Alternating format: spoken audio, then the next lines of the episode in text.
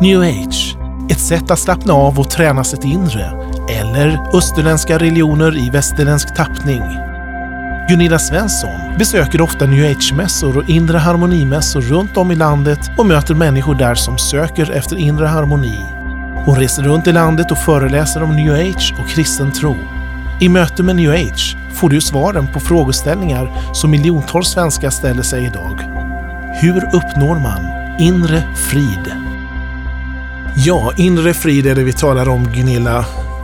Välkommen tillbaka! Ja, tack så mycket! Ja, idag har vi ett lite speciellt program med en eh, kvinna som heter Maria. Kan du berätta lite om vem är Maria? Maria är en god vän till mig som eh, har varit djupt involverad i det här med det nyandliga. Hon har prövat på det mesta där och sökt och lagt ut mycket pengar kring det här. Men så har hon blivit frälst och fått möta Jesus och vi ska få höra hennes vittnesbörd här nu om en liten, liten stund. Och hon brukar faktiskt vara med oss ute på de här nyandliga mässorna. Det är väldigt bra om man Ja, hon kan ju möta de här andliga människorna på ett speciellt sätt i och med att hon har en bakgrund i detta. Eh, ja, det är en härlig kvinna som har mycket att ge. Så då tar vi resten av programmet här och lyssnar på vad Maria har att berätta. Hon kommer här. Jag kommer från en vanlig svensk familj. Uppväxt i Småland, i Vimmerby. Um, man gick i kyrkan på dop, bröllop, begravning. Um, blev konfirmerad. Har alltid haft en respekt för Gud, alltid haft en tro på Gud. Jag förstod inte vem Jesus var, att frälsningen kom genom Jesus. Utan eh, jag kunde aldrig säga att jag inte trodde på Gud. Jag vet när jag var ute och reste så fick mina kompisar göra den frågan, tror ni på Gud? Och mina kompisar de hade lätt att avfärda och säga, men jag tror inte på något liksom. Men jag kunde inte säga att jag inte trodde. Utan jag visste att jag visste att jag visste att det fanns någonting som, som sa nej här inne. Att jag visste att, att Gud fanns. Eh, och jag började söka efter honom när jag kom till Stockholm 84. Eh, följde med en kompis till eh, en spåman på Söder där, som spådde i en kula. Eh, det gav inte så mycket. Jag följde med till medium. Eh, jag har varit både i England och Asien hos medium och visa personer. Jag på med yoga, jag på med stenar och kristaller. Eh, det finns ingenting som jag inte har prövat tror jag. Förutom att eh, gå tillbaka till tidigare liv. Vid två tillfällen så bestämde jag träff med en sån kvinna och skulle ta, ta mig tillbaka till tidigare liv. Som jag trodde skulle ge svar på saker och skulle vara spännande. Så, för jag, jag längtade efter den andliga världen. Den här som inte syns. Jag längtade efter den och jag förstod inte liksom att det fanns både en, en mörk och en ljus andevärld. En från Gud, en som är från djävulen. Så att, men varje gång så var det som att Gud satte stopp. Att jag träffade aldrig några personer. Jag träffade henne två gånger. Och det var som att vi, hur vi än bestämde träff så träffades vi aldrig. Så jag tror att det var ett beskydd jag hade. Jag hade haft en mormor som trodde och en farmor också. Jag tror någonstans att de bad och jag tror att det var ett beskydd för mig. I den här stationen, i det här sökandet efter Gud. Som jag tror att det var och vet idag att det var.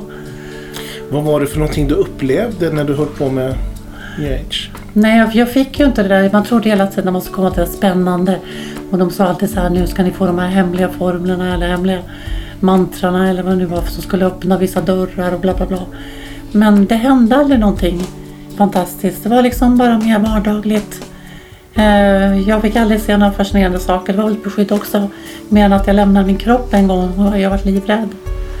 Ehm, eh, så att jag har varit nog besviken tror jag för att hela tiden nästa eh, seans, nästa kurs, nästa seminarium, då, då. Men det vart liksom bara, det är nästa, nästa, nästa, det vart liksom aldrig något slut. Men jag kom aldrig till den där punkten där jag kände att nu har jag uppnått frid eller nu har jag förstått vad andlighet är. Utan eh, när jag höll på att dö, eh, vilket jag inte visste då, men jag fick en eh, eh, smärta i bröstet så jag var ensamstående mamma. Och eh, jag, låg, jag visste att jag, jag, jag, det var en dödlig sjukdom. Jag kände det i kroppen. Man känner ju oftast det. Och jag visste att nu dör jag för jag så, fick så ont på kvällen när jag låg i soffan framför tvn. Min son låg och sov. Uh, och uh, då bara kände jag så här, nej jag får inte dö, jag måste ta hand om min son. Så jag bara ropade till Gud. Gud, jag, jag vill inte dö. Jag måste ta hand om min son. Det finns ingen som kan ta hand om honom. Och han lyssnade. Så jag sökte en, en, jag vet att han hörde mig för att jag sökte praktikplats på universitetet. och Fick en praktikplats på Uppsala universitet. Och min mentor var en kvinna som gick i Södermalmskyrkan. Så hon, eh, hon direkt på luncherna började prata om Jesus. Om Bibelns Jesus. Och eh, om frälsning. Och jag, det var som att jag visste bara att det var sanningen.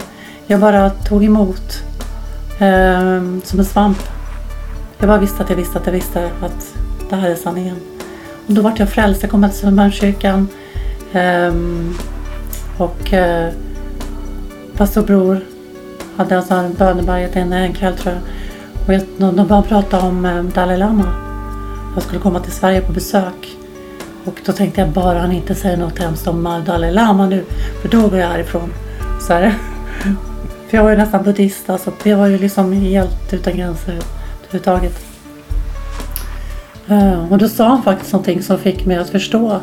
Då sa han så här att, att i buddhismen så har man inte den här eh, kärleken till varandra. Utan man tänker bara på sin egen karma. Att jag, jag kan inte ta med mig någon dålig karma till nästa. Jag måste komma högre och högre för nästa, varje liv då. Så att man hela tiden vill inte inkräkta på någons karma för att det kan bli dålig karma för mig. Så man till exempel hjälper inte hundar att dö om de är jätteskadade på gatan. Man låter dem bara ligga och själv dö. Medan en kristen faktiskt skulle ta en pistol eller vad som helst och se till att lidandet förkortades. Bara ett exempel. Men eh, eh medan en, en, buddhist skulle helst gå förbi någon som behöver även människor då förstås. Skulle helst gå förbi människor som är i nöd. Eftersom det, de vill inte att det ska inkräkta på deras karma. De tror att den personen som ligger där är fattig och är i nöd har skapat det genom sin dåliga karma. Så att eh, han förklarar det väldigt på ett bra sätt. Men i kristendomen så ger man liksom i sin kärlek till sin syster och sin bror. Eh, och då fick jag, jag fick bara, ja men det stämmer, han är ju helt rätt. Där släppte jag min buddhistiska eh, tanke liksom. Så att eh, ibland ska man inte vara rädd heller som kristen att säga saker som pastor Bror gjorde i det här fallet. Jag tror att man är så rädd ibland att såra människor. Eh, att de ska försvinna eller att de ska inte få tag i Jesus. Eller, men att man faktiskt ska säga sakerna för att det kan beröra här inne. Att man är ärlig och säger som det är. Hur var perioden närmast efter att du hade gjort det? Var det Eh, mycket att brottas och göra upp med i livet eller gick det på räls? Ja, nej, nej, nej. Nej, alltså. ehm, jag kände att direkt när jag blev frälst och döpt, jag döpte mig på en vecka för jag skulle gå igenom en operation eftersom eh, jag inte hade gått till en läkare för jag visste att det skulle, de skulle ta för mig att jag var sjuk. Så fick min mentor mig att gå till läkare och, och då fick jag igenom en stor operation. Ehm, så att jag bara släppte allting. Jag bara eh, trodde på Jesus och jag fick en, en väldig frid i mig. Men det tog också ett tag innan jag hade gett mig in i så mycket mörka krafter. Så när jag till exempel döpte mig dagen efter så var jag ensam med min son och jag, det kom som depression över mig. Och jag trodde att det var jag. Jag gick och la mig i säng kom jag och bara grät. Och jag ville nästan ta livet av mig för jag tänkte att allting är hopplöst. För jag bara kände att jag tänkte att um, tror att det här kommer hjälpa dig att vara frälst och döpt. Det är precis likadant som var. Det är lika hopplöst som förut. Eh, och eh, jag förstod liksom, jag trodde att det var jag som hade de här tankarna och jag var fruktansvärt nere. Alltså det fanns inget slut. Jag var så rädd också. Så fruktansvärt rädd så jag nästan kunde ta på den känslan. Alltså jag var så rädd så jag visste inte, jag kunde inte sova, jag kunde inte vara vaken. Jag visste inte vad jag skulle ta vägen. Då gick min son in i köket. Han var två år då. Han gick och satte sig under köksbordet. Och så sa han, mamma de kastar sten på mig. Och då förstod jag någonstans, min mentor har sagt att det är krig, det är krig när man väljer Jesus. Alltså det finns ju ett, en, två världar så att säga. En eh, ond andevärld och en god. Eh, och då förstod jag att eh, det här är inte från mig. Det är inte mina tankar. Det här är djävulen som försöker lura mig. Och då vart jag så arg. Så jag började bara liksom binda honom. Hon har lärt mig krigföring direkt. Direkt som nyfrälst. Så jag bara band i Jesu namn ut härifrån liksom. Så att... Eh, och jag bara efter det så bara kände jag stor frid. Men jag, det var flera, vid flera tillfällen som jag fick stänga dörrar i mitt liv. Som jag hade öppnat av okunnighet under new age. Och man tror, det som jag också trodde när jag gick i new age på 80-talet, det var att man trodde att det var en ny andlighet. Det var bra för kroppen, att det var hälsosamt med lite yoga, lite meditation. Men vad man ger sig till det är ju faktiskt rötterna till, till yoga och meditation. Att, man, att det tillhör buddhismen och hinduismen. För att man tillber gudar genom att göra de här positionerna och de här olika sakerna. Eh, och det är det man inte är ensam. Man tror att i Sverige tror vi liksom, och mycket i västvärlden, att det spelar ingen roll liksom. Att tron inte har någon betydelse, att den andliga världen inte har någon betydelse. Det man inte ser, det finns inte. Men det stämmer inte utan man kan känna sig bra ett tag. Man kan känna att det, det är skönt för kroppen ett tag. Man får avslappning och blir, känner mig mindre stressad. Men så kan man ju, det gör man ju även av droger. Jag menar, en drog kan ju också få en att känna sig euforisk och skön, skönt liksom ett tag. Men sen kommer ju en baksida och slår tillbaka. Det som är rötterna liksom till, till själva den här utförandet liksom av yoga eller meditation. Att det faktiskt har en grund någonstans, har en par rötter i det som inte är från Gud. Så hur ser ditt liv ut idag jämfört med då? Um, mitt liv? Jag har, sen jag blev frälst så har jag gått med Gud. Jag har bara vetat att det finns inget annat. Alltså, det fanns inga lockelser för mig någon annanstans efter det. Jag visste bara att det var rätt väg jag hade kommit på. Sen var det inte helt lätt. Det var det inte för mina många vänner lämnade mig. För de tyckte jag var konstig som blev frälst och kristen. De tyckte det var jättekonstigt. Ska du sluta festa nu? Tyckte de, ska inte du vara med oss? Så att de förstod liksom inte att, att man kan göra andra saker än festa och gå ut och dricka öl. Eller. Så att eh, jag fick, eh, det var tufft. Och eh, man fick liksom välja, välja att stå, att stå kvar. Jag visste att eh, om jag lämnade Gud så skulle jag inte leva längre. Jag visste att Gud är Gud och Jesus är liksom utan Jesus så finns det ingen glädje, det finns ingen frid, det finns ingen, inget liv. Man kan låtsas det, man kan upprätthålla ett lugn ett tag, man kan leva av materialistiska saker eller gå och träna eller gå på yoga ett tag. Men sen kommer en, en stund där man måste välja liv. Eh, ska jag bli lycklig? Ska jag få en frid i mitt liv? Eller ska jag hela tiden söka efter den genom olika utövningar, alltså olika saker? Genom att hela tiden vara beroende av mina känslor eller, eh, eller det jag gör eller vem jag är med. För det är det många människor idag, jag ser på mina vänner, att man är så beroende av sina känslor. att Nu känner jag mig bra, nu går det bra, nu kan vi fixa det här, nu kan vi göra det här.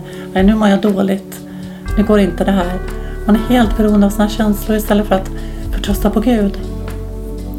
Ehm, så att jag tror att vi måste som kristna liksom bli lite mer radikala, lite mer tuffa. Våga säga till våra vänner, även om de blir sårade och även om de blir arga en stund så tror jag att annars, hur ska vi annars väcka dem liksom? Så vad skulle du vilja säga till någon som är involverad i det som du var involverad i tidigare och söker sanningen men inte hittat den? Jag tror det är bra att man söker för då är man på väg någonstans. Man, har inte, man har inte stannat. Men eh, jag tror att man måste, måste fråga någonstans sitt hjärta. Var, vart är jag på väg? Vart är jag på väg? Vad, ger det, vad, är, vad är det här som jag håller på med? Är det någonting som kommer att vara bestående? Eller är det beroende av hur jag känner mig eller hur jag mår?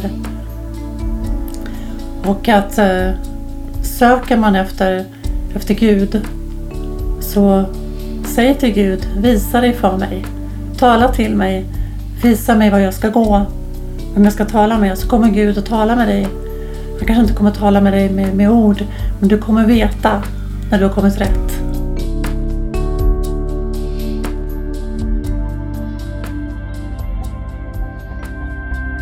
Har lyssnat på Möte med New Age med Gunilla Svensson.